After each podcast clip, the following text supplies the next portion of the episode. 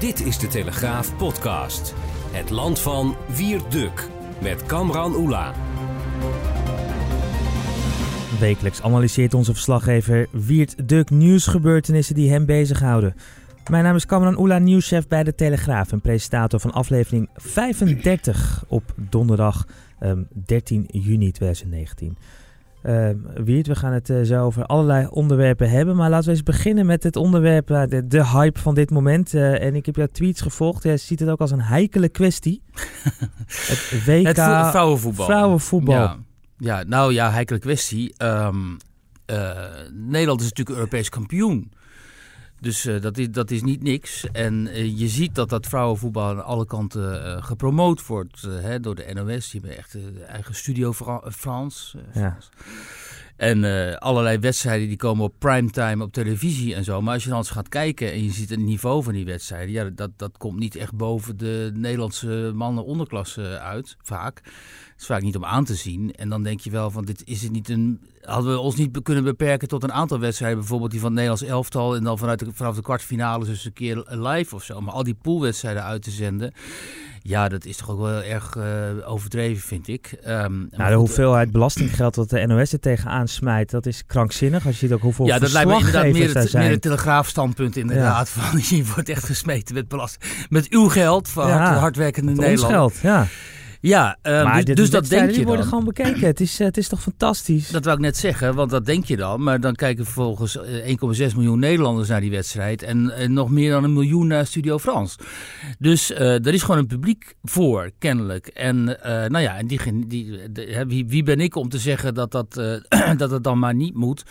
Um, maar het niveau van. Um, kijk, wat mij vooral fascineert eigenlijk is dat. Um, dit is dus topniveau. Alleen als je dan kijkt naar. Iemand moet me maar corrigeren als dat uh, niet, niet, klopt. Maar ik heb de indruk dat als je hockeysters op topniveau ziet acteren. Dus vrouwelijke hockeysters. Dat die veel fitter, fitter zijn en behendiger en, en atletischer, zeg maar, dan deze voetbal. Uh, dames aan de top. Hè? Dus ik vraag me steeds af, ja, hoe. hoe, hoe ja, maar Kijk is dat, nou niet, naar topsport, is dat niet, ja, maar is dat niet, niet, dat geldt volgens mij voor de topteams die meedoen. Amerika, Nederland, uh, Noorwegen, Frankrijk. Ik heb Nederland ook gezien. Die zijn en toch allemaal hartstikke fit, man. Nou, ik vond het Nederlandse vrouwenteam toch behoorlijk sloom uh, op een gegeven moment. En wat ik van gezien heb. En uh, die Nederlandse vrouwelijke hockeysters, ze zie ik toch altijd echt wel stomen over dat ja, veld. Uh, dat, is, dat is geweldig om dat niveau te zien. Maar ik, ik, ik, ik, heb een tijd lang het hockey gevolgd. Ja. En ik ben ook wel eens bij WK hockeywedstrijden geweest uh, tegen de teams die laatste werden. Dat was niet ja, om aan te dat zien. Is niet kreeg, om aan te zien. Dat kreeg je ook handbaluitslagen ja. zoals bij uh, Amerika, Thailand. Ja, dus het zal allemaal wel te maken hebben dat dit toch nog een stop of een uh, sport is die nog in de, in de groei is en zo. En ik gun het iedereen, maar als een beetje voetballiefhebber, dan zit je toch af en toe wel eens met je hoofd te schudden en te denken, wat, wat, waar zit ik eigenlijk naar te kijken? Maar goed, die maakt me heel impopulair mee, dus we kunnen beter overschakelen op een ander onderwerp. Ja, nou, het, nou, alsof je met die andere onderwerpen jezelf populair gaat maken. Daar ben ik al impopulair genoeg mee, dus nu wordt het nog erger. Ja, laten we dan maar uh, gaan hebben zo over onder andere Wilders. Uh, uh, de, de, zaak rondom en de bemoeienis van opstelt. dit weekend was dat in het nieuws. Gaan we nog even bij stilstaan. De verplichte polis voor ZZP'ers waarover wordt gesproken. Hè, als straks het pensioenakkoord helemaal goed is gekeurd. Maar we beginnen met het terughalen van IS-kinderen.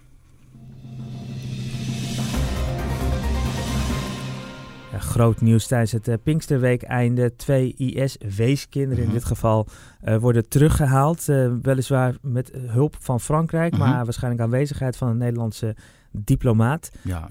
en later in de week kondigde België ook aan dat ze nu officieel werk gaan maken van het terughalen van IS-kinderen. Goed nieuws? Uh, ja, nou dat vind ik dus niet. Uh, kijk, dat twee weeskinderen op die jonge leeftijd worden teruggehaald thuis. En, omdat er een Franse missie naartoe ging die dat mogelijk maakte, waar wij bij konden aansluiten, dat, dat is natuurlijk uh, bijna een no-brainer. Want die kinderen die hebben daar niemand. Um, dus die haal je dan inderdaad op. Alleen de grote angst is natuurlijk dat dit um, de weg vrijmaakt voor nieuwe acties. En nu wordt bij hoog en laag door het kabinet beweerd dat dat niet het geval zal zijn, hè, bij monden van minister Blok. Maar als je ziet hoe bijvoorbeeld de publieke omroep al bezig is om de geesten rijp te maken voor de terugkeer van IS-kinderen en hun moeders ook. door telkens maar weer mensen aan het woord te laten die ouders, grootouders, die vinden dat dit moet en dat wij daartoe eigenlijk de plicht hebben. Ja, dan denk ik dat we, ook gezien wat andere landen aan het doen zijn, uiteindelijk toch uh, ervoor zullen komen te staan dat die kinderen en hun moeders vooral ook uh, zullen terug, terugkeren. En dat vind ik uh, niet goed. Ik vind in de eerste plaats die berichtgeving niet goed. Omdat één geval ken ik toevallig heel goed. Dat is van die, die ene, uh, ene meisje. Die is met haar, Egyptische geradicaliseerde man naar IS getrokken. Hij heeft inmiddels vijf kinderen en zit daar in een kamp. En haar vader is telkens op tv. En die mag dan zeggen van hoe vreselijk het allemaal is. En dat hij wil dat zijn kind en kleinkinderen terugkeren. Terwijl de moeder die ik gesproken heb. Mensen zijn uit elkaar. die wil dat helemaal niet. Die zegt zijn tikkende tijdbommen. Ik vind mijn dochter, er waren altijd al grote problemen met die dochter. Uh, mijn dochter vind ik ook levensgevaarlijk eigenlijk. Dus ik vind het een groot risico als we, als we hen zouden laten terugkeren. Omdat uh, je helemaal niet weet hoe die kinderen eraan toe zijn, hoe geradicaliseerd ze al zijn. En uh, of zij überhaupt uiteindelijk in, in, hun adolescentie en volwassenwording wel afstand zullen nemen van, van die jeugd. dat, en bovendien kost het de samenleving, de samenleving die door deze mensen zo intens wordt gehaat, namelijk de westerse samenleving, enorm veel geld. En je hoeft het daar niet mee eens te zijn, maar je moet dat wel even inbrengen als je weer die mensen aan een talkshowtafel haalt of uitgebreid interview uh, voor de publieke omroep. En je vertelt niet even dat notabene de eigen moeder en oma dat een heel slecht uh, plan vindt. En je laat ook niet zien, hè, die beelden die we allemaal kennen van Twitter, die verschrikkelijk zijn, hoe hele jonge kinderen, vaak een jaren vijf, zes, executies plegen. Er zijn beelden van jongetjes die gewoon uh, gevangenen van IS doodschieten, de hals afsnijden, jongetjes de jaren of 10, 12 of zo. Een baby die, die, die door zijn vader op het hoofd, afgesneden hoofd van een ehm, gevangene wordt gezet en dan wordt dan heel zwaar bij gelachen en zo. Kijk dat jongetjes dansen op het hoofd. Dat dames en heren, is de situatie waar die kinderen uitkomen. En die moeders, die moeders hebben vaak actief meegewerkt aan die genocide daar. Ze hebben vaak actief ook meegewerkt aan het martelen en het um, gijzelen en het uh, seksueel misbruiken van uh, Jezidi-vrouwen, vooral massaal. Hè? Terwijl die Jezidis geven dan geen asiel in Nederland. Die moeten er op een gegeven moment ineens terug, omdat de situatie voor hen daar veilig zou zijn. En deze mensen zouden we dan, hè, dat is nog niet zo ver, maar zouden we dan gaan terughalen. Althans, er is een sfeer aan het ontstaan in de media en ook voor een deel in de politiek waarin het um, als bijna vanzelfsprekend, bijna als een verplichting wordt gezien dat we deze mensen uh, terug zouden moeten halen. Mm. Nou, dat vind ik dus um, hoogst uh, discutabel. Mm. Um, en dan gaat het niet om deze twee weeskinderen, hè, want dat wordt dan weer gesuggereerd. columnisten van de Volkskrant die dan weer helemaal vol op het orgel gaat, want... Uh, oh, oh, wat zijn al die mensen die hier kritiek op hebben, toch medogeloos en onmenselijk en zo. Maar daar gaat het natuurlijk helemaal niet om. Het gaat erom om welk precedent je schept en wat je hiermee voor uh, signaal afgeeft. En nu zei Blok, minister Blok, die formuleerde dat wel goed. Hè? Die zei, ja, als we niet op die Franse missie hadden kunnen meevaren, dan was het ook helemaal niet gebeurd. Dus uh, dit is gewoon een uniek geval. En uh, dat wil ik hem ook nog wel geloven. Maar de situatie um, blijft ingewikkeld, hè? Want waar leg je dan de grens? Nu gaat het om een, kinderen van twee en vier. Uh, en in dit geval het gaat om wezen waarbij ook een uitspraak van de Nederlandse rechter is. Hè? Er is gewoon ja. een voogd uh, ja, aangewezen. Ja. Dus, dus er wordt gewoon eigenlijk ook uh, daarna gehandeld. Maar ja, waar ligt de grens? Je geeft net zelf voorbeelden van kinderen van 6, 7 die er met uh, mitrailleurs stonden te schieten enkele jaren geleden. Nou ja, ik vind dit bijna een geval voor de internationale gemeenschap. Hè? die, die, die honderden, misschien wel duizenden jongeren uit uh, westerse landen die daar naartoe zijn gegaan, kinderen hebben gekregen daar ook. Voor een aantal jaren daar hun kinderen hebben opgevoed. Eigenlijk zou je daarvoor internationaal soort plan moeten ontwikkelen.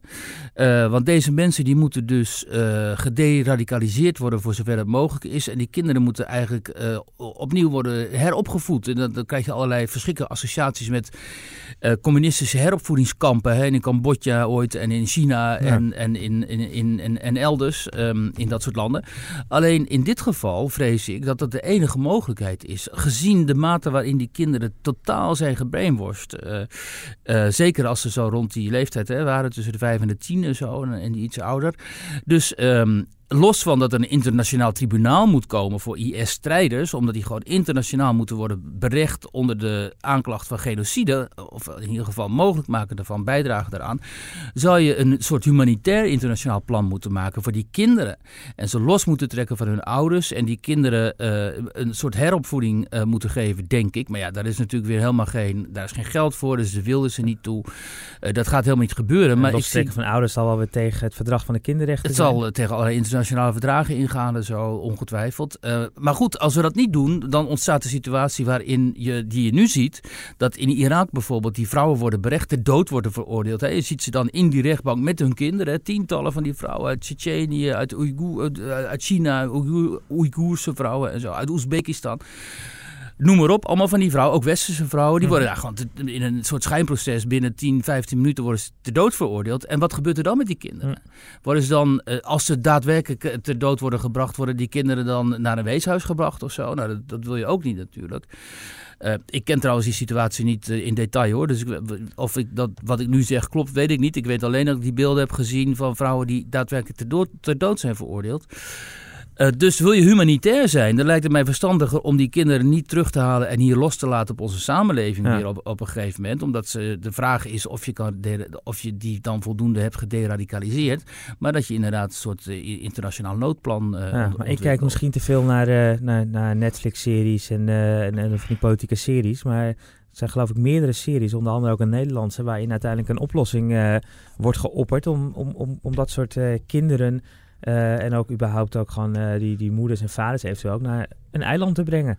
En op een, uh, op een eiland te gaan heropvoeden. Maar dat is misschien te veel... nou, dan moet je ze wel onder toezicht zetten, want ze gaan ze elkaar te lijf natuurlijk op den ja. duur.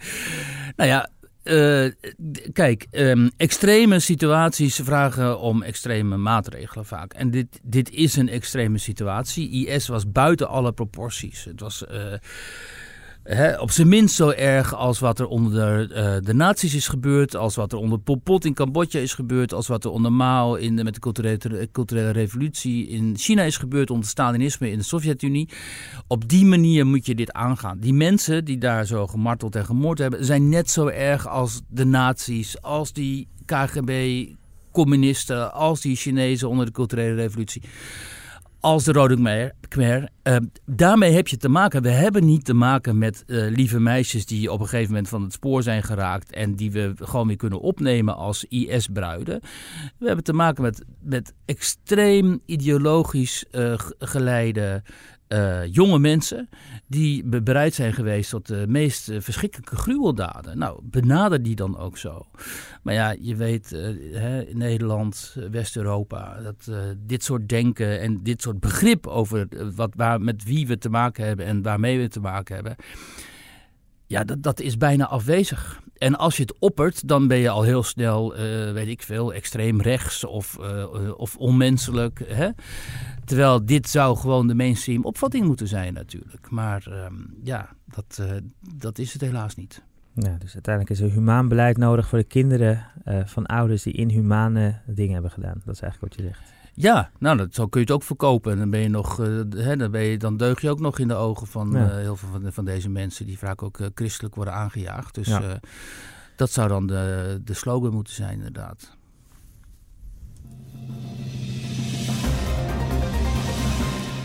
Elke donderdag in de Telegraaf en natuurlijk op telegraaf.nl de rubriek in Nederland. Waarin uh, Wiert jij uh, wekelijks met uh, mensen spreekt in het land. En, en, en, deze week sprak je met Jordi Zwarts en Cor Woordman over de verplichte arbeidsongeschiktheidsverzekering voor ZZP'ers. En deze mannen zien dat niet zitten. Ja, het ging mij erom, uh, omdat er zoveel protest is tegen die voorgestelde verplichte arbeidsonverzekering die zelfstandigen dan zouden moeten afsluiten. Hè. Dat, dat, dat, willen een heel 90% of zo van de ZZP'ers die uh, zijn aangesloten bij belangenverenigingen. Die willen dat nu niet. En nu wist ik toevallig dat deze Jordi Zwarts, al twaalf jaar. Hij is uh, oprichter en voorzitter van de Bond tegen uh, Overheidszaken dat hij al twaalf jaar geen zorgpremie betaalt. Wat ook een verplichte verzekering mhm. is. Want hij zegt, en hij is er ook mee geslaagd bij de rechter, hij zegt: de overheid mag uh, burgers niet dwingen om een commercieel, een privaatrechtelijk verdrag af te sluiten bij een commerciële partij.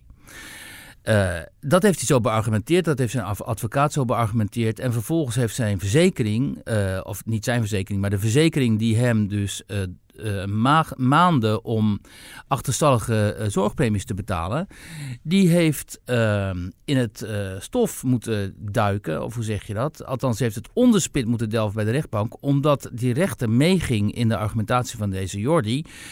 Die zei van ja, laat het contract maar zien dan. En die verzekering die had geen contract. Die had alleen maar zeg maar de opdracht van de overheid aan Jordi Zwarts dat hij een contract moet afsluiten. Alleen dat had die Jordi nooit gedaan.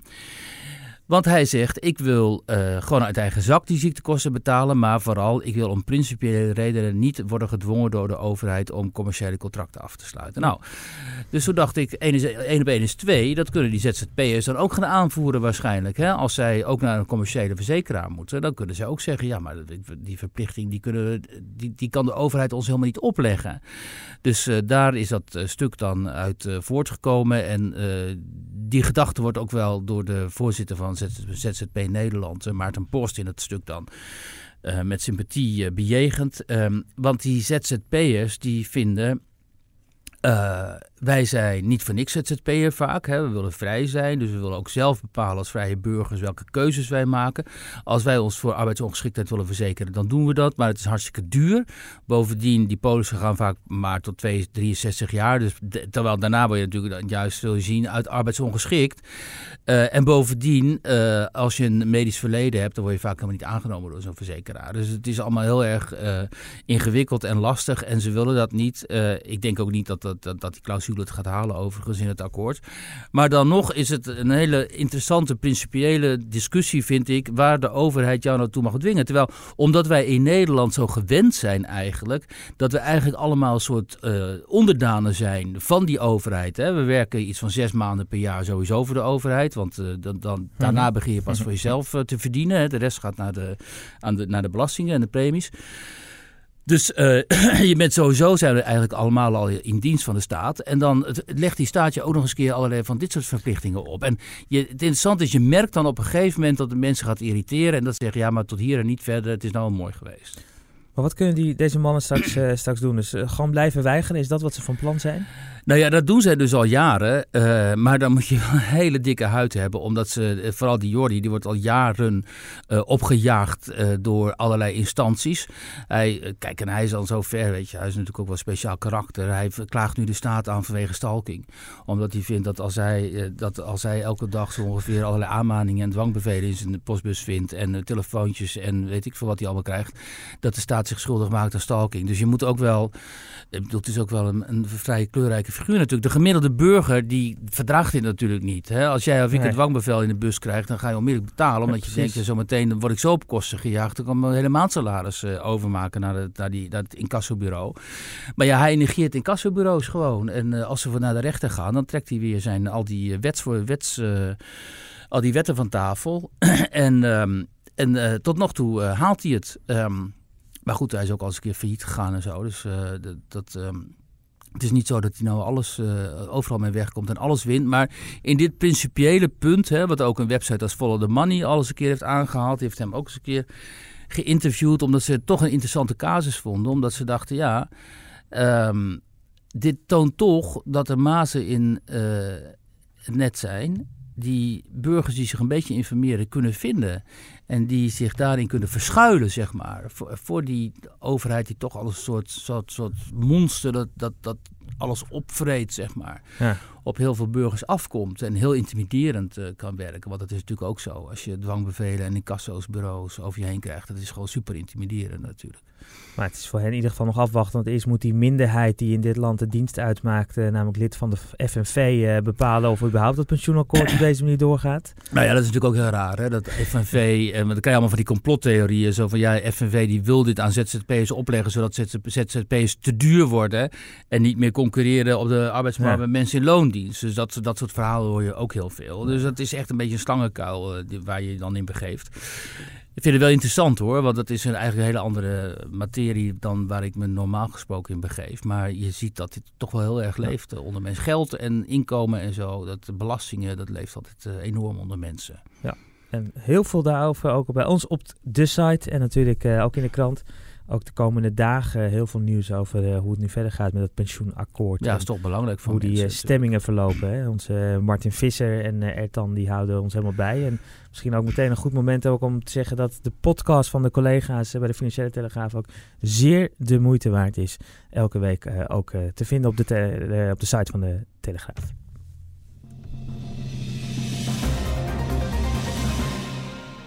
Ja, Wiet, uh, over de Telegraaf gesproken. Uh, daar is deze podcast natuurlijk ook van. Uh, en afgelopen zaterdag kwamen wij met een uh, bericht over Geert Wilders, die hele zaak.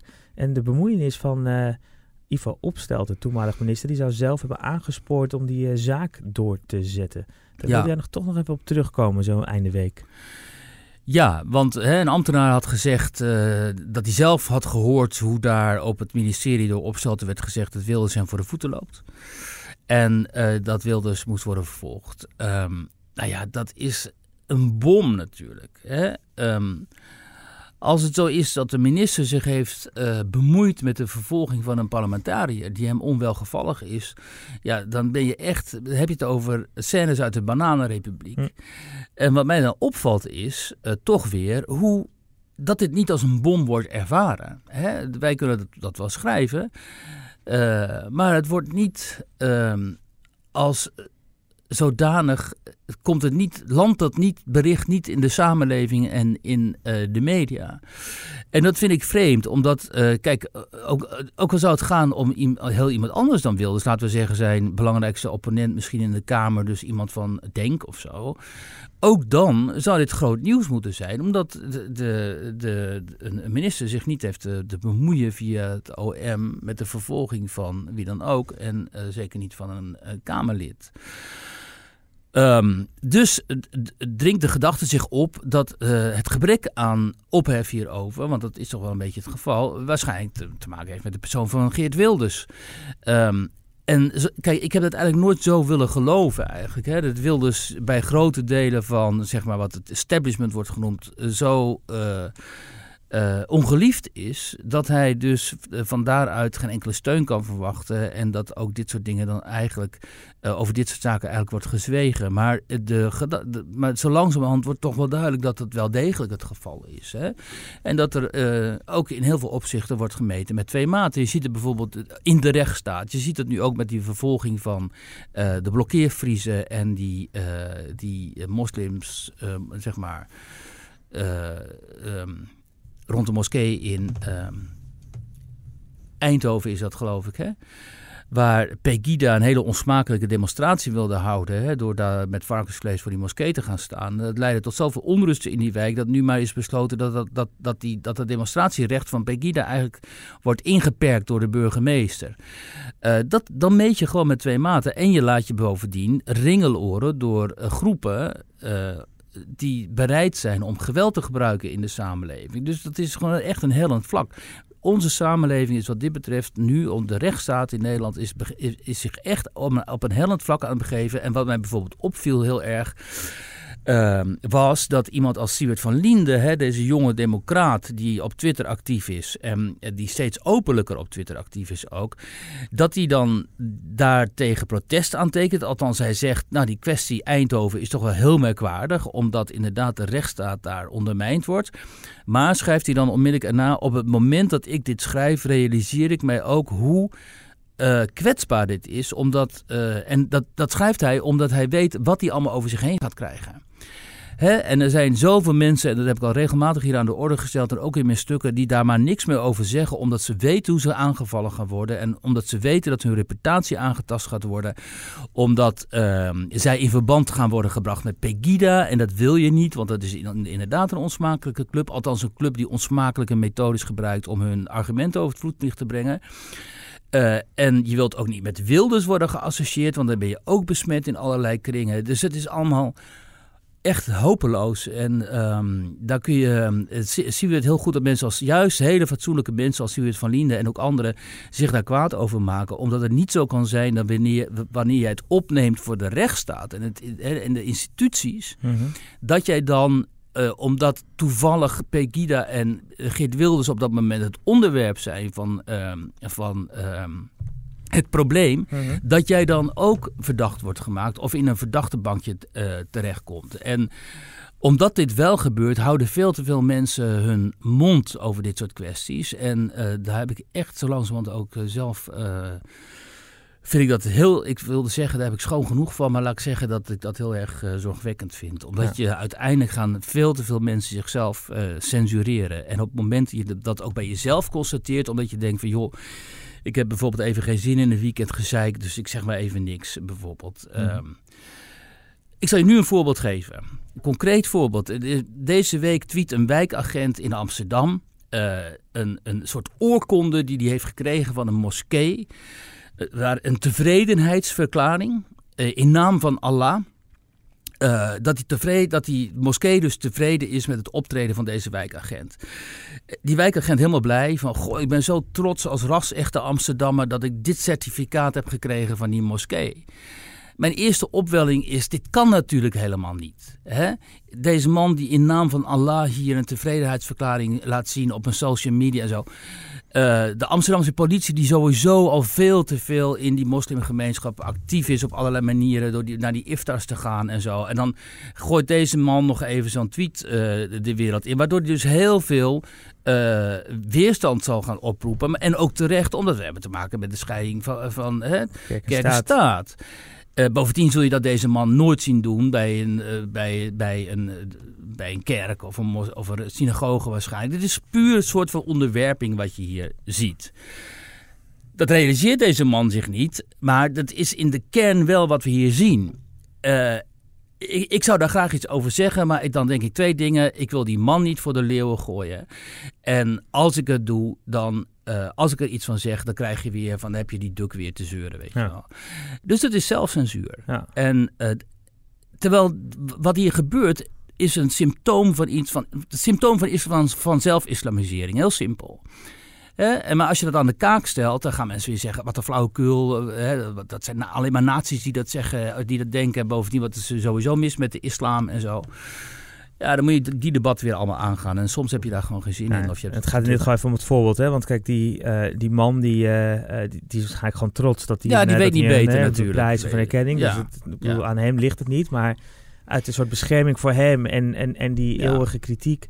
Eh, dat is de reden dat je dan denkt, ah, laat ik in dit geval toch even van me voorbij gaan. Ja, precies dat. En de politieleiding geeft natuurlijk het slechte voorbeeld. Mm. Hè? Want die, gaat, die, die houdt helemaal niet aan die, ke- vast aan die scheiding van kerk en staat. Die staat de hele tijd te, te- te iftarren en te doen en zo. En die gooit ook allemaal al die filmpjes en foto's eh, de wereld in. Dus die, die politieleiding zelf, die, die zorgt ervoor dat zo'n wijkagent denkt van... Dit, ik, ik, ik haal hier een... eh, ik kom in een goed blaadje te staan als ik dit tweet, Ja, weet je wel. In plaats van dat hij denkt van dit kan ik beter niet doen. Nou, stel je maar voor dat er straks iets gebeurt met een, eh, met een Marokkaanse jongen die net die moskee heeft bezocht in die buurt. En die agent die treedt niet hard genoeg op. Blijkt achteraf. En wat dan? Hè? Dus dat je Helemaal dat altijd die natuurlijk, ja. onafhankelijkheid eh, kunnen, kunnen behouden. Ja, of stel je gaat inderdaad op de, hè, met, op een selfie met een van die jongens en die blijkt dan een uitreiziger te zijn. Weet Ja. je wel. Ik bedoel, dat moet je natuurlijk ene malen voorkomen. Maar zo, nou ja, is, je kunt er bijna je kunt er uren over praten. Ja. Het gaat uiteindelijk om het gezag, de hiërarchie, van het voorbeeld dat van bovenaf wordt gesteld, de, de, de, de, de, de analyses die de leiding maakt, ook hè, het bestuur van de gemeente Mhm. ook. Eh, al die dingen, als dat allemaal al fout zit, dan kun je moeilijk zo'n wijk- wijkagent verwijten dat hij zo'n fotootje op Twitter zet. Nee, ik denk wel dat die zaak met opstelten eh, nog niet helemaal klaar is. Want eh, er loopt nog een hoger beroep hè, Ja. in die minder minder uitspraken zaak van, eh, van eh, Geert Wilders. En ongetwijfeld zal zijn advocaat Knoops eh, ook dit voorbeeld weer gaan, gaan aanhalen. Dus dat gaat ongetwijfeld nog een staartje krijgen. Wiet, eh, volgens mij zijn we weer een klein half uur bezig. Eh, komen we weer een beetje richting het einde van deze podcast deze week. Nou, jij verheugt je op Nederland. Kameroen. Nederland-Cameroen Ja, dat zaterdag. is de volgende. Ja. Ja. nou, verheugen. Ik kijk er wel naar uit, ja. Ja, man, het is echt. Ik ben bij die finale ook geweest. Hè? de laatste Finale- vier? Eh, ja, nou ja, laatste vier zou moeten kunnen. Het ligt een Hmm. beetje aan hoe die anderen lopen. Cameroen is een eitje. Ja. Eh Cameroen Hmm. 4-0. Hm. En, dan, eh, ja, en dan tegen Canada gaat het om spek en bonen. Maar Canada is wel echt goed. ja. Dus dan is wel de vraag... eh, ja, tegen wie, tegen, ja, precies. En tegen wie kom je, Ja. kom je daarna? Want er zijn een aantal landen die zijn echt, echt wel heel goed. Alleen Hallo, Nederland heeft het beste spits, geloof ik, met, Anne, met Miedema. Ja, en een fantastische zou ze moeten zijn linksbuiten. Lieke Martens Ja. speelt linksbuiten. Ja, J- Janice Ja. van der Standen brengt altijd iets extra's. eh, vuur op rechts. Ja, ja, ja. Maar de, ja, goed. Op het middenveld. Groene achterin, de linksback, Kika van S. Ja, Wiert. Het is, Top eh, 10. ja, en, eh, en, en Sari van Veenendaal op goal. dat doet mij een beetje aan Edwin van der Sar denken. Ook nog, ook Ja. nog. En jij was ook nog bij die finale van het EK. ik ben twee jaar geleden bij die finale geweest. Helemaal naar Enschede. Was er niet Enschede of zo? Ja, helemaal naar Enschede. ja. En dan in de, in de Grolsvesten heb ik... ja, dat was een keer Ik zie Marit helemaal jaloers kijken, onze Ja. vrouwelijke producer, die kennelijk ook van vrouwen. Ja, er was, er was eindelijk een keer goed voetbal in het, eh, in het stadion van Twente. Dat, eh, dat was een heel dramatisch Oké, seizoen Dylan daar. techniek eh. stoppen nu. Ja, nee, maar dat, we, we- we Ja. gaan zeker nog een paar weken door hier. Dus we, we zullen het We zullen ongetwijfeld volgende Elke week op weer terugkomen. hè? op terug moeten gaan, gaan komen. Tot zover deze aflevering. Tot volgende week.